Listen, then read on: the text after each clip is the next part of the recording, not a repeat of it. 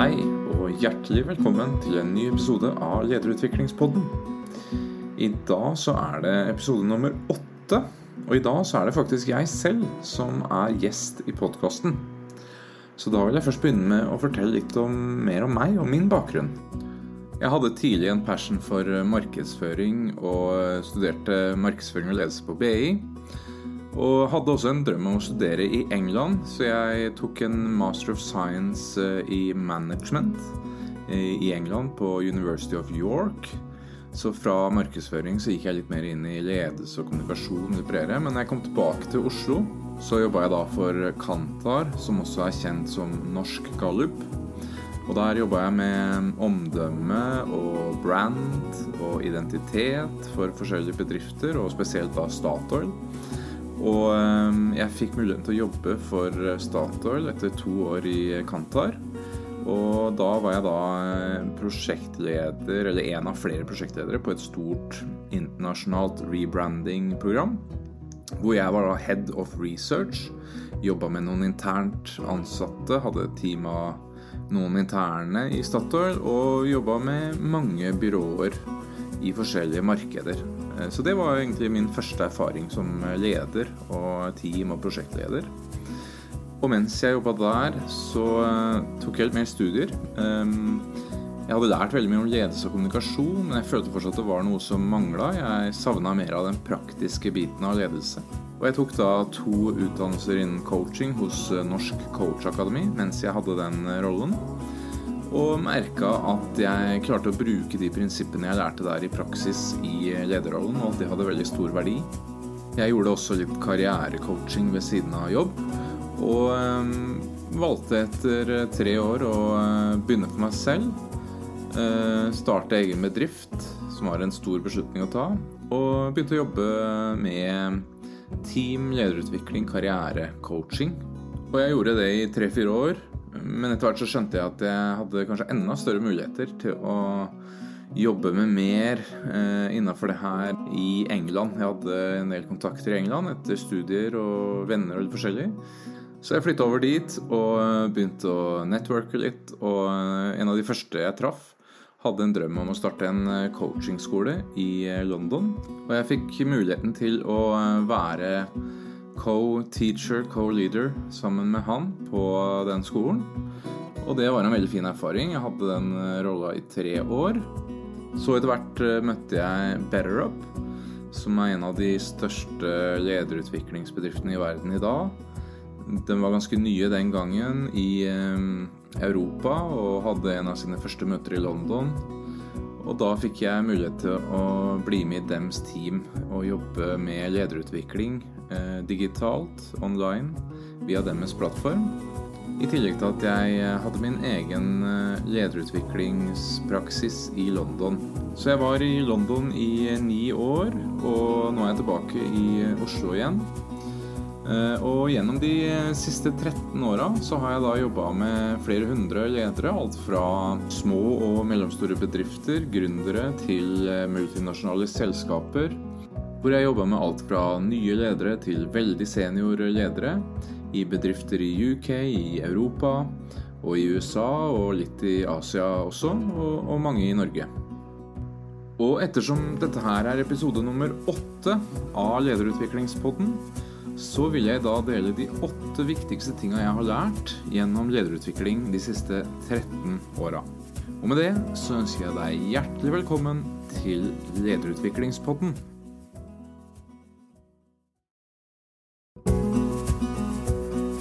Da ønsker jeg meg sjøl velkommen til episode åtte av Lederutviklingspodden. Og jeg pleier jo å stille gjestene spørsmålet Hvem er du bak roller og titler og CV osv.? Jeg slipper vel ikke unna, jeg heller, tenker jeg. Så um, skal jeg prøve å svare på det. Det jeg vil si da, er at jeg er en som er en engasjert person. Jeg brenner for de tingene som jeg er interessert i. Jeg er f.eks. veldig interessert i fotball og er en ihuga Sarpsborg 08-fan. Går på mange kamper og står og synger og klapper og heier så godt jeg kan. Og Jeg er opptatt av miljø. Jeg brenner for at vi skal ta bedre vare på miljøet. Eh, og at eh, vi må gjøre noe med det nå, eh, fordi det er krise på mange måter med det temaet i verden i dag. Hva mer kan jeg si? Jo, jeg er veldig glad i, å, i musikk. Glad i å synge og spille. Jeg, jeg synger sjøl og har sunget i et par band sånn opp igjennom. Mer sånn kompisband og litt forskjellige, eh, forskjellige band. Jeg var med i et sånn mediebransjen-band en gang i tida, som var veldig gøy. Um, spiller piano, spiller ukulele og, og, synger og bruker litt tid på det innimellom uh, når jeg kan. Og ellers så vil jeg jo si at jeg er veldig engasjert i personlig utvikling og lederutvikling. Har gått mange kurs og videreutdanninger eh, sjøl opp igjennom. Og um, har også hatt mye forskjellig ledercoaching og coaching og terapi eh, som jeg har hatt veldig stort utbytte av. Så det er en av grunnene til at jeg brenner veldig for det jeg jobber med. Og eh, jeg tror også veldig på det med samarbeid. At vi oppnår mer, lærer mer når vi samarbeider med andre. Så jeg har alltid gjort det, både i England og også i Oslo. Og jeg samarbeider i dag med flinke og erfarne lederutviklere i eh, Oslo. Det er vel i hvert fall litt mer om meg. Og da tenker jeg at eh, vi kan gå i gang med de åtte viktigste tinga som jeg har lært om lederutvikling de siste 13 åra som jeg har jobba med det her. Nummer én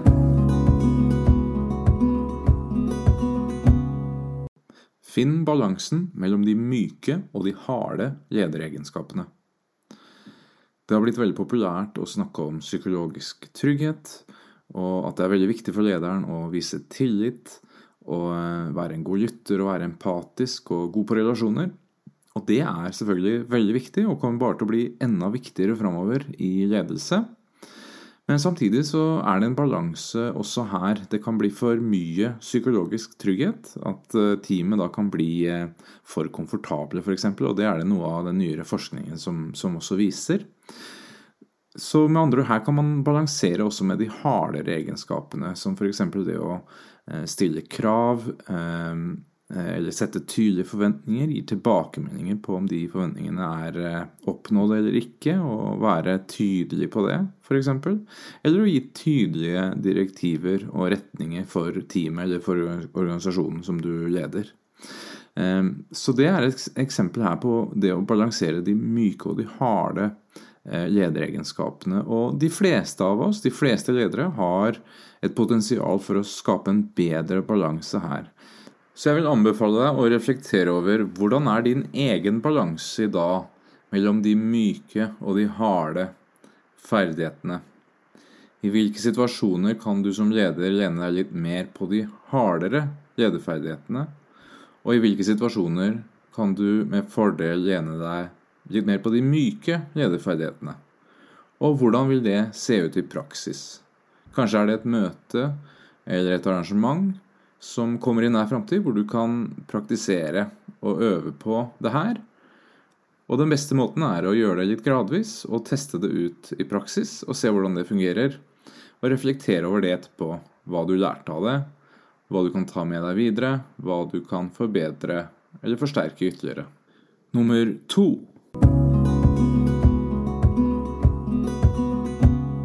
Sett av tid til å tenke.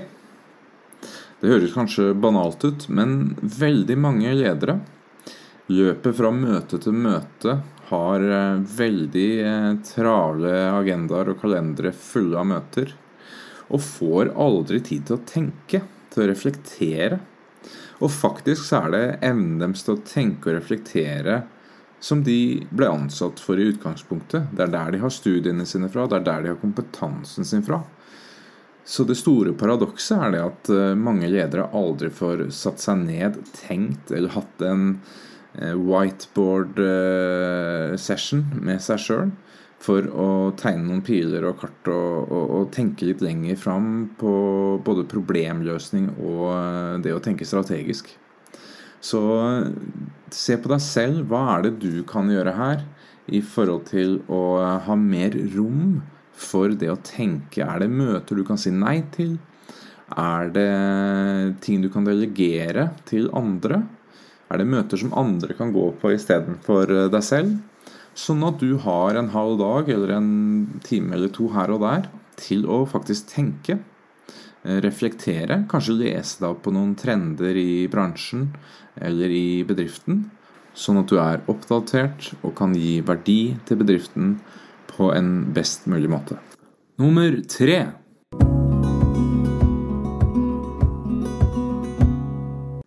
Gi slipp på ideen om å være en god og inspirerende leder, sånn at du kan bli en virkelig god og inspirerende leder. Det finnes veldig mye snakk der ute om hva som er god ledelse, og gjør du et Google-søk, så får du opp millionvis av ulike svar på hva det er som er god ledelse. Det finnes også veldig mange trender som sier du må være sånn som det her som leder, og du kan aldri være sånn som det her. Og det kan bli veldig forvirrende. Mye viktigere er det å reflektere over hvem er du som leder. Fordi vi har alle forskjellige personligheter, forskjellige personlighetstrekk. Og vi har også helt ulike utdannelser og kompetanser så da er det viktig å reflektere over hva er mine styrker som leder, og hvordan kan jeg bruke de best mulig i den situasjonen hvor jeg er. For ledelse er også situasjonsbestemt eller situasjonsavhengig. Det som kan være god ledelse i én situasjon, kan være dårlig ledelse i en annen situasjon. Så her handler det om å reflektere over hvem du er som leder, og hvordan du kan bruke det best mulig i den situasjonen hvor du er. F.eks. kanskje du er en visjonær og verdidrevet leder.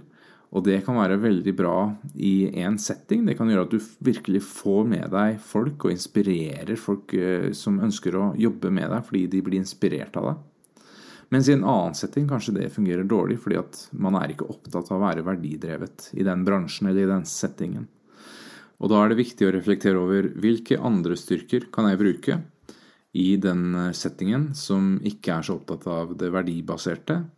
Kanskje er det evner jeg har til å lytte, være en god sparringspartner. Eller kanskje det er andre evner og egenskaper jeg kan bruke i den settingen for å ha en best mulig påvirkning som leder. Nummer fire.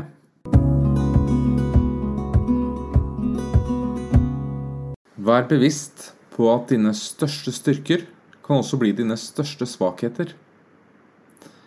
Som nevnt i det forrige poenget, så er det viktig for deg som leder å være bevisst på dine styrker, og å bruke de situasjonsbestemt.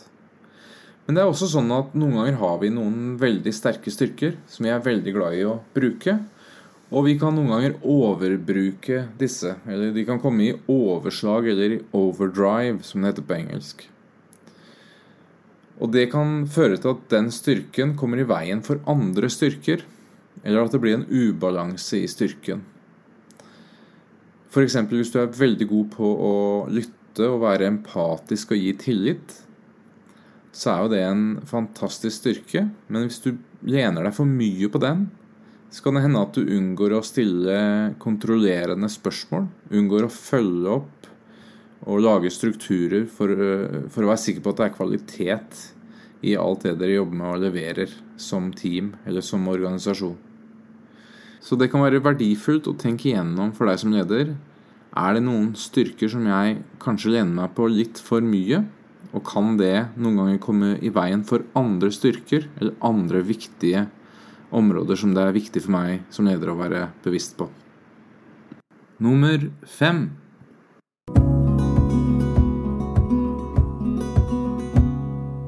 Sett deg gode mål for hvordan du ønsker å utvikle deg som leder.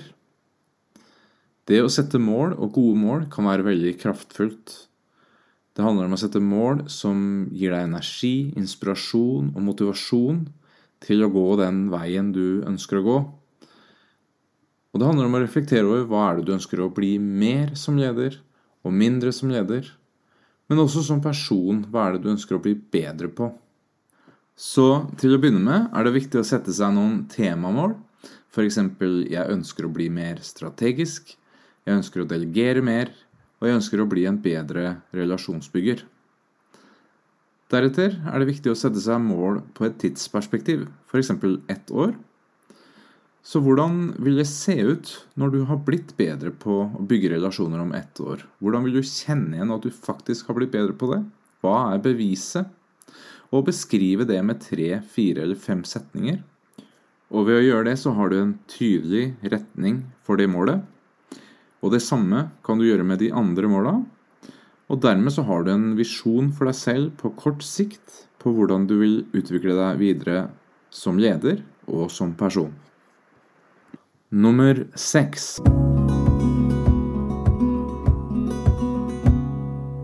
Bestem deg først for hva du skal gjøre mindre. Ok, så har du satt deg noen gode mål, du vet hvordan du ønsker å utvikle deg videre som leder. Men det viktigste du gjør da, når du har satt deg de måla, det er å først bestemme deg for hva det er du skal gjøre mindre som leder. Fordi det er veldig lett å ha en lang liste over alt som skal gjøres, og det har de fleste ledere allerede. Den er altfor lang, akkurat som kalenderen er altfor full. Så det viktigste å gjøre til å begynne med, er å reflektere over hva, hva er det jeg kan gjøre mindre som leder, sånn at jeg har tid, energi og overskudd til å jobbe mot disse nye målene jeg har satt meg. Og et annet godt tilleggsspørsmål er hva er det jeg kan være mindre som leder for å nå disse målene? Kanskje jeg kan være litt mindre hands on? Kanskje jeg kan være litt mindre kontrollerende. Kanskje jeg kan være litt mindre til stede. Ved å svare på disse spørsmålene så får du muligheten til å frigjøre tid, energi og overskudd, sånn at du kan jobbe mot målene dine. Og det er et utrolig viktig fundament i forhold til å utvikle seg videre i retning av dit hvor du vil. Nummer sju.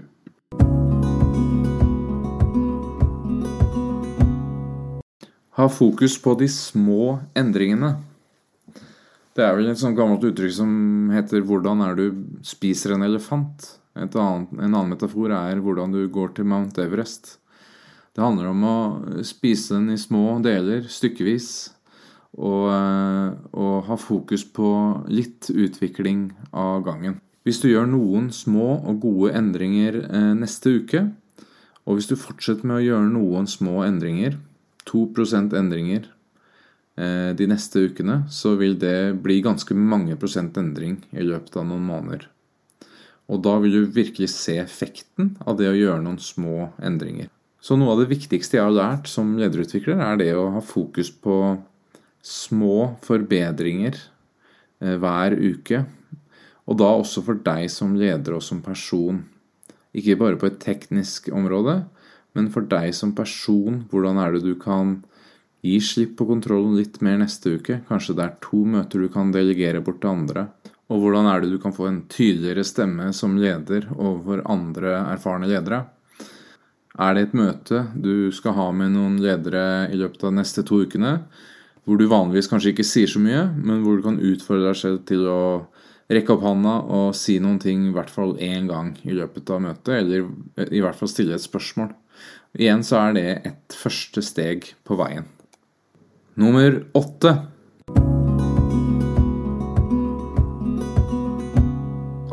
Gjør deg selv overflødig som leder. Mitt favorittsitat nummer én innenfor lederutvikling er The ultimate goal of leadership is to grow more leaders.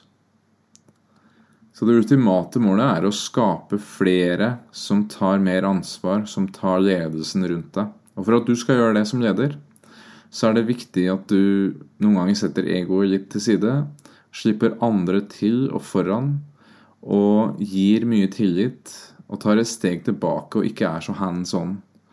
Um, selv om det er fint å være til stede og svare på spørsmål og støtte og hjelpe teamet sitt, så kan det også komme i veien for at de finner sine egne beste svar, utvikler seg og tar ansvar for sin egen utvikling som person og som leder.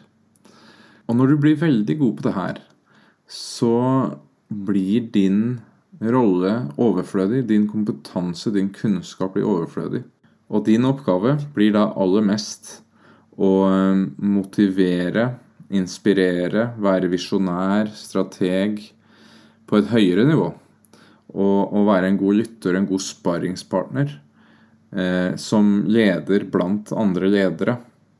Og så kan det være at du innser at din rolle totalt sett også blir overflødig. Kanskje det er på tide for deg å finne en ny rolle på et høyere nivå i organisasjonen eller i en annen organisasjon.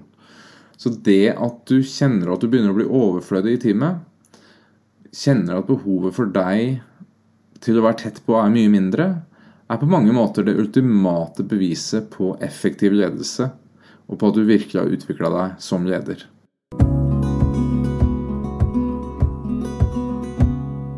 Det var de åtte områdene som jeg snakker med veldig mange ledere om, og som har veldig stor verdi i forhold til å bli bevisst på og å gjøre små justeringer. Så jeg vil anbefale deg som lytter, se på deg selv, den rolla du har, den stillingen du har i ditt eh, virke, og se på hvilke justeringer du kan gjøre innenfor disse åtte områdene. Det handler om, som ble nevnt i et av punktene, at de små endringene gjør en veldig stor forskjell. Så hvis du har en litt annen innstilling, og hvis du har litt bedre grenser i forhold til noen deler av det du jobber med, så gjør det en veldig stor forskjell i forhold til å forbedre de områdene du ønsker å forbedre for deg selv i din jobb eller som leder. Så jeg håper du fikk inspirasjon og nye tanker rundt det, og at det er noe som du kan bruke i praksis i din rolle. Takk for at du hørte på, og vi høres igjen i episode 9 av Lederutviklingspodden.